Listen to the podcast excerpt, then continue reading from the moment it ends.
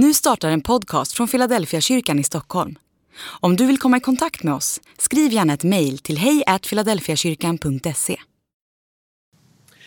Några av de här sommarsöndagarna har jag tagit med dig till Markus evangeliet och nu tredje gången vill jag ta med dig till en text. De har inte kommit i ordning, det spelar ingen roll. Och du får liksom följa med lite i min bibelläsning och bibelreflektion utifrån Markus evangelium. Och idag har jag satt rubriken när djävulen går i kyrkan. Och jag inser att några av er hajar till.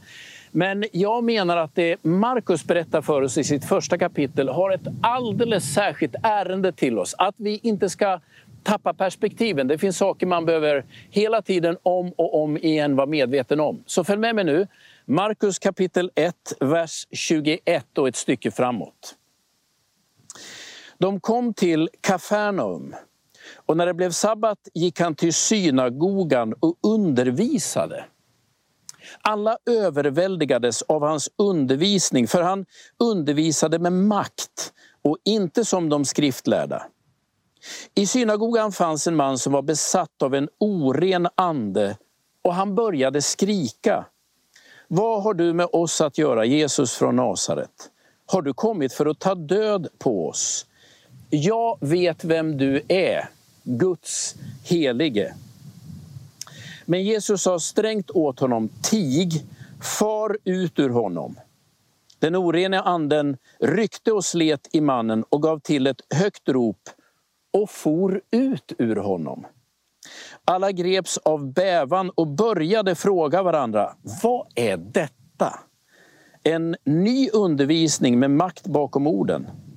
Till och med de orena andarna befaller han och de lyder honom. Ryktet om honom spred sig genast över hela Galileen. För oss moderna läsare så väcker ju en sån här text en del frågor. Det där med besättelse och demoner, hur ska man förhålla sig?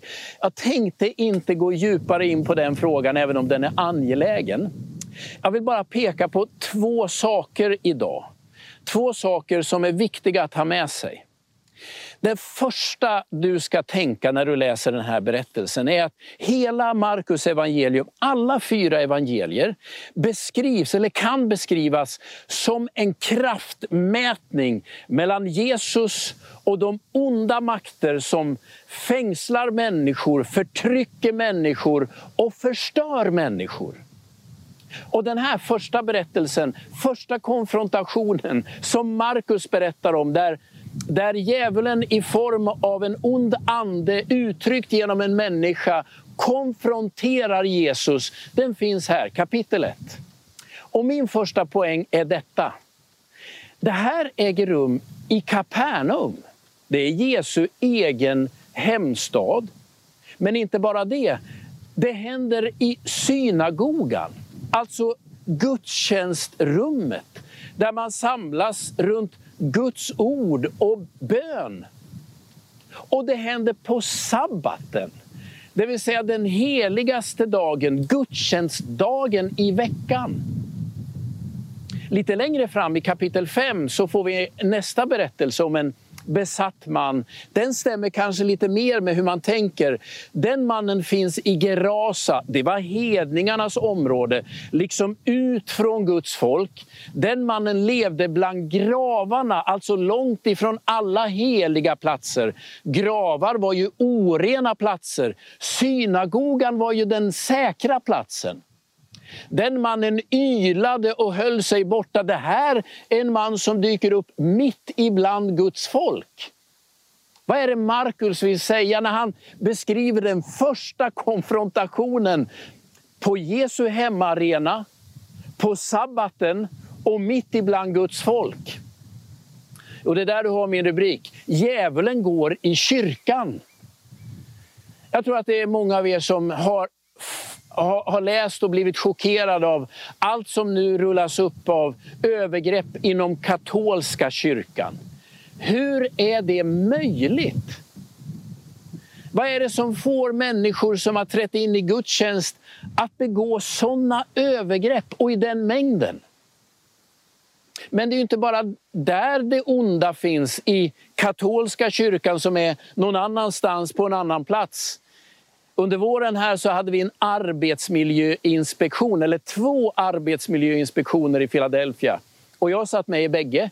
Och vid bägge tillfällena så upplyser arbetsmiljöinspektörerna mig om att en av de sämsta arbetsplatserna i Sverige, det är kyrkan.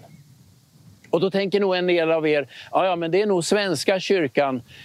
Ja, men vi kan konstatera ibland pastorer inom frikyrkan så är utmattningssyndrom, trötthet och depression alldeles för vanligt förekommande för att det ska kännas bra. Du, Markus vill tala om någonting i den här berättelsen som jag menar att vi inte ska tappa. Det är ju lätt att tänka att det onda, djävulen, allt mörker, det finns någon annanstans. Det är hedningarnas område, borta bland gravarna. Men den första konfrontationen Markus berättar om, den inträffar mitt ibland Guds folk, på själva gudstjänstdagen och på Jesu egen hemarena. Vad är, vad, är det man ska, vad är det man ska veta? Ja, men sluta prata om vi och dem som om vi som är Guds folk skulle vara immuna eller skyddade ifrån allt det onda. Det finns mitt ibland oss också. Det är inte så att vi är de som lever säkra ifrån allt ont i ljuset och där ute är mörkret. Nej, men det sipprar in mitt i vår gemenskap. Du vet, Nya testamentet är fullt av sådana här insikter. Du har väl hört uttrycket om får, eh, eller om ulvar i fårakläder. Det används ju språkligt i många andra sammanhang. Det är Jesus som talar om det när han beskriver det onda som växer fram inifrån den gemenskap som är Guds folk. Jag vill bara skicka med er det här mitt i denna sommartid. Att det onda är ingenting man vaccineras ifrån och som sen finns där borta. Det är en verklighet vi alla brottas med. Även i kyrkan, mitt i församlingen, där finns det onda. Djävulen går i kyrkan. Gott folk, jag är ledsen att behöva påminna om detta. Och Det betyder, jag säger det igen, att det finns ingen anledning för oss att säga att vi är för mer än alla andra, vi är bättre än alla andra, eller det onda finns inte hos oss. Det finns liksom mitt i Guds församling. Och framförallt, jag tror att man ska undvika det jag själv var på väg att göra just nu, nämligen att tala om någon sorts vi och dem. Alla vi människor, vare sig vi hör till en kyrka eller inte, vi lever under rätt liknande omständigheter och brottas med samma utmaningar. Tro inte att det onda finns hos någon annan någon annanstans. Nej, det knackar nog på våra dörrar också. Det är den första poängen jag vill att du ska ta med dig från denna första konfrontation. Men så kommer min andra poäng. Och det är kanske den viktigaste poängen. Jag minns när jag eh, hade en alfakurs, det är många år sedan nu, och en man i 60-årsåldern som för första gången i livet ändå hade börjat omfatta tanken på Gud, tron på Gud, Jesus som Guds son och vår frälsare och den heliga Ande som Gud i någon sorts bortskänkt form in i, i vardagslivet. När han hörde föredraget om det onda, det ingår ett sånt föredrag i alfakursen, då, då tyckte han, nej men nu är gränsen nådd. Och så säger han ungefär, ja men nu har jag börjat tro på Gud och på Jesus och den helige Ande. Ska jag tro på djävulen också? Det kändes bara för mycket. Och igen, med vår allmänsekulära omgivning och bakgrund så känns det ju ja, men nästan lite övermaga. Men jag skulle vilja säga att det finns en visdom i detta och det finns någon sorts perspektiv på problematik och på människor som är otroligt befriande. Lyssna noga nu. För Jesus är det alltid en väsentlig skillnad mellan det onda och den onde. Alltså när jag som kristen säger att jag uppfattar att det finns en djävul jag tror inte på djävulen, jag tror och bekänner den treenige guden. Men jag inser att i vår verklighet finns onda andemakter som infiltrerar och saboterar människors liv. Det tror jag. Det den tron faktiskt gör är att det ger mig en mycket mer positiv människosyn. Det vill säga för Jesus är det alltid en väsentlig skillnad mellan det onda och den onde. Vi människor, vi kan göra det onda Men lyssna nu. Vi kan aldrig bli den onde. Och här uppfattar jag att det sekulära Sverige vi idag lever i, de saknar den här distinktionen. När en människa gör något ont, då blir den människan den onde. Och någon sorts obehaglig utstötningsmekanism sätter igång.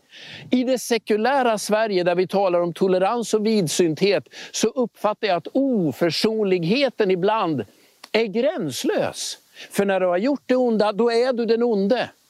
Medan utifrån kristen tro så är det så att vi människor är kapabla att göra det onda, men vi kan aldrig bli den onde.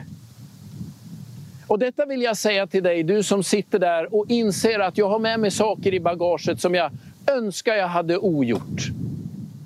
Utifrån ett kristet perspektiv, i Jesu ögon, ja, du har gjort det onda. Men kom ihåg detta, det är inte du som är den onde. Och med detta kan vi frita människor. Det finns förlåtelse för synd. Och du är inte identisk med de handlingar du har gjort med det som ligger bakom dig. Oavsett vem du är, oavsett vad det är du bär med dig. Du är inte den onde. Och nu kommer det fina med den här berättelsen, konfrontationen i synagogan i Kafarnaum. För vad är det som har hänt med den här mannen? Ja, det verkar som att det har uppstått en mycket sjuk symbios mellan mannens identitet och den onda. Det beskrivs som att han är besatt. Som att hela hans identitet är infiltrerad av det onda. Som om den människan är den onde. Det onda och den onde har på något sätt gått ihop i hans liv. Och då vill jag säga som pastor att sådana människor i den typen av situation har jag också mött. Jag skulle inte säga att man är besatt, men det har hänt någonting med synen på en själv. Det är inte bara så att jag har gjort det onda, jag är den onde. Men vet du vad som händer när Jesus kommer? Jo, när Jesus kommer, då är det som att det här äntligen glider isär. Mannen har möjligen gjort det onda, men han är inte den onde. Han fritas ifrån att se sig själv så. Han fritas också från att omgivningen ska se honom sån. Jo, det har funnits saker i hans liv som har varit onda. Men den onde lämnar honom. Och det är detta jag skulle vilja säga är befrielsen i den här berättelsen. Vad, än du, vad du än har med dig av det som är ont, som du själv har förorsakat, så är du när Jesus kommer aldrig den onde. Det är någon annan. Och det som händer när Jesus möter den här mannen är att de här två identiteterna som verkar ha vuxit ihop, det onda och den onde i den här mannen, de dras isär i mötet med Jesus får den onde vika. Det onda går att bota, synder kan förlåtas. Man kan be om ursäkt, det går att ställa till rätta. Du är aldrig den onde, även om du har förmåga att göra ont. Detta är ett evangelium. Och jag skulle vilja säga detta, att det här är en sån, sån otrolig lättnad att få säga. Min människosyn är ljus. Jag tror att det finns en ond makt det är inte du, det är inte jag och ingen annan människa. För Jesus är människor aldrig den onde. Vi kan göra ont, men vi är inte den onde. Och när Jesus kommer in på arenan så kan den identitet som på sjukt sätt har vuxit samman, där det onda och den onde verkar ha tvinats ihop i din självförståelse, där kan det lösas upp och du kan bli fri. Den första konfrontationen mellan de onda makterna och Jesus den äger rum där man minst anar det. I Jesu hemstad, mitt ibland Guds folk, i synagogan, på sabbaten. Glöm aldrig, tro inte att det går att, att immunisera mot detta. Det finns överallt. Alltså det onda finns i kyrkan och det är det som är skälet till att jag tänker att vi inte ska tala om vi och dom. och dem. Detta är villkor vi alla människor brottas med. Min andra poäng, den viktigaste poängen. Det som kristen tro säger är att det är alltid skillnad på den onde och det onda. Vi kan göra det onda men vi blir inte den onde och när Jesus kommer så kan det här delas upp och du fritas. Du är inte den onde i Jesu ögon. Låt honom lösa dig från den tanken. Lev inte kvar med den synen på dig själv. Även om du har gjort det onda så är du inte den onde. Och när han kommer, då får vi liksom reda ut vår identitet. Gud välsigna dig den här dagen.